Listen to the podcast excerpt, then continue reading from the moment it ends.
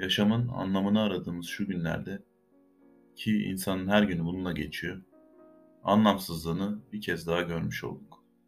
Anlamsızlığın anlamı neydi peki? Neden doğa böyle bir anlamsızlık bahşetmişti? Akıl sahibi olan her şeyi. 1755 Lisbon depremi olmuş.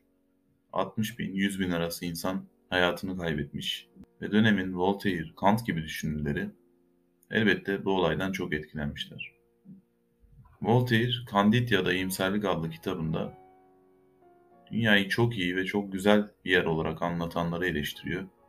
Kant ise depremlerle ilgili teoriler geliştiriyor ve depremleri doğa üstünde değil, doğada arayan ilk bilimsel teorileri ortaya koyuyor. Bugün kısıtlı imkanlarla oluşturulmuş Kant teorilerinin elbette hiçbir geçerliliği yok. Fakat üzerinden 300 yıla yakın zaman geçmiş, insanoğlu hala bu doğa felaketiyle savaşamayacak durumda. Halbuki insan 300 yılda neler yapamaz ki? 34 yılda Orhan Veli ne şiirler yazdı. Van Gogh sadece 37 yıllık ömründe neler yarattı. Pascal 39 yıllık yaşamında dünyaya ne katkılar sağladı.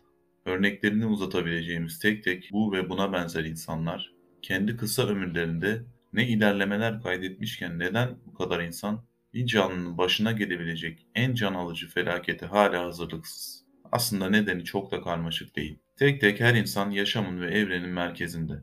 Belki sizler de hissetmişsinizdir. Kimileri kendi yaşamının bazı günlerde başkaları tarafından idare edilmesini ister. Tıpkı bir aktörü dublörün canlandırması gibi. Keşke bedenime başka biri girebilse de o günü yaşasa. Çünkü zamanın o gün getirdikleri ağır geliyordur. Ama kaçamaz. İşte insanın yazgılarından biri. Doğanın merkezinde güneş olsa da yaşamın merkezinde tek tek insanlar var. Ama her insan bunu hissedebiliyor mu? Bence hayır. Hatta bunu hisseden insan sayısı azınlıkta bile denebilir. İnsanın değişmez bir yazgısı varsa onlardan biri de budur. Elbette insanlar depremle ve buna benzer felaketlerle savaşmayı da öğrenecek. Ama doğada olan her şey gibi bu da zaman alacak. Doğanın yazgısı nedir diye soracak olursanız, oluşan her şeyin uzun süreler alması. Yani doğa sıçrama yapmaz esas. İnsanın yazgısı depremler değil, başına gelen felaketler değil. Ona kalırsa insanın bir yazgısı da geç öğrenmesi. Ve bazı doğal ve yapay eşitsizliklerden dolayı kimisi çok daha geç öğreniyor. Öyleyse insan bu mantıkla kaçamayan bir geç öğrenendir diyebiliriz. Kaçamayan tutsaktır. Tutsaksa bir cezadan dolayı tutulur. İnsanın cezası muhtemelen her şeyi öğrendiğinde bitecektir. Umarım ülkemizin de cezası bu depremle bitmiştir. Karaladığım bir şiirle bu bölümü sonlandırmak istiyorum. İnsan aşamaz. Dünyayı biliyoruz artık. Mümkün dünyaların en iyisi değil. Bilmem kaç gezegenden sadece birisi. İnsanı biliyoruz artık. Doğal olarak bilmek istemiyor. Doğal olarak yaşamak ve üremek istiyor. Hayvanı biliyoruz artık. Masadan farksız bir şey değil.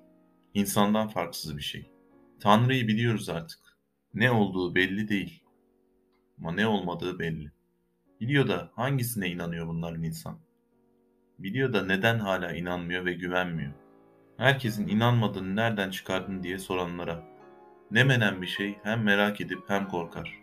Hayvan bile yapmaz bunu. O halde insan korkak bir hayvandır desek yanlış olmayacaktır. Korkuysa eğer her şeyin başı, cesaret aşacak yaşamı ve insanı. Nietzsche bile başaramadı bunu. Tüm Türkiye'ye hem geçmiş olsun hem de insanımızın başı sağ olsun.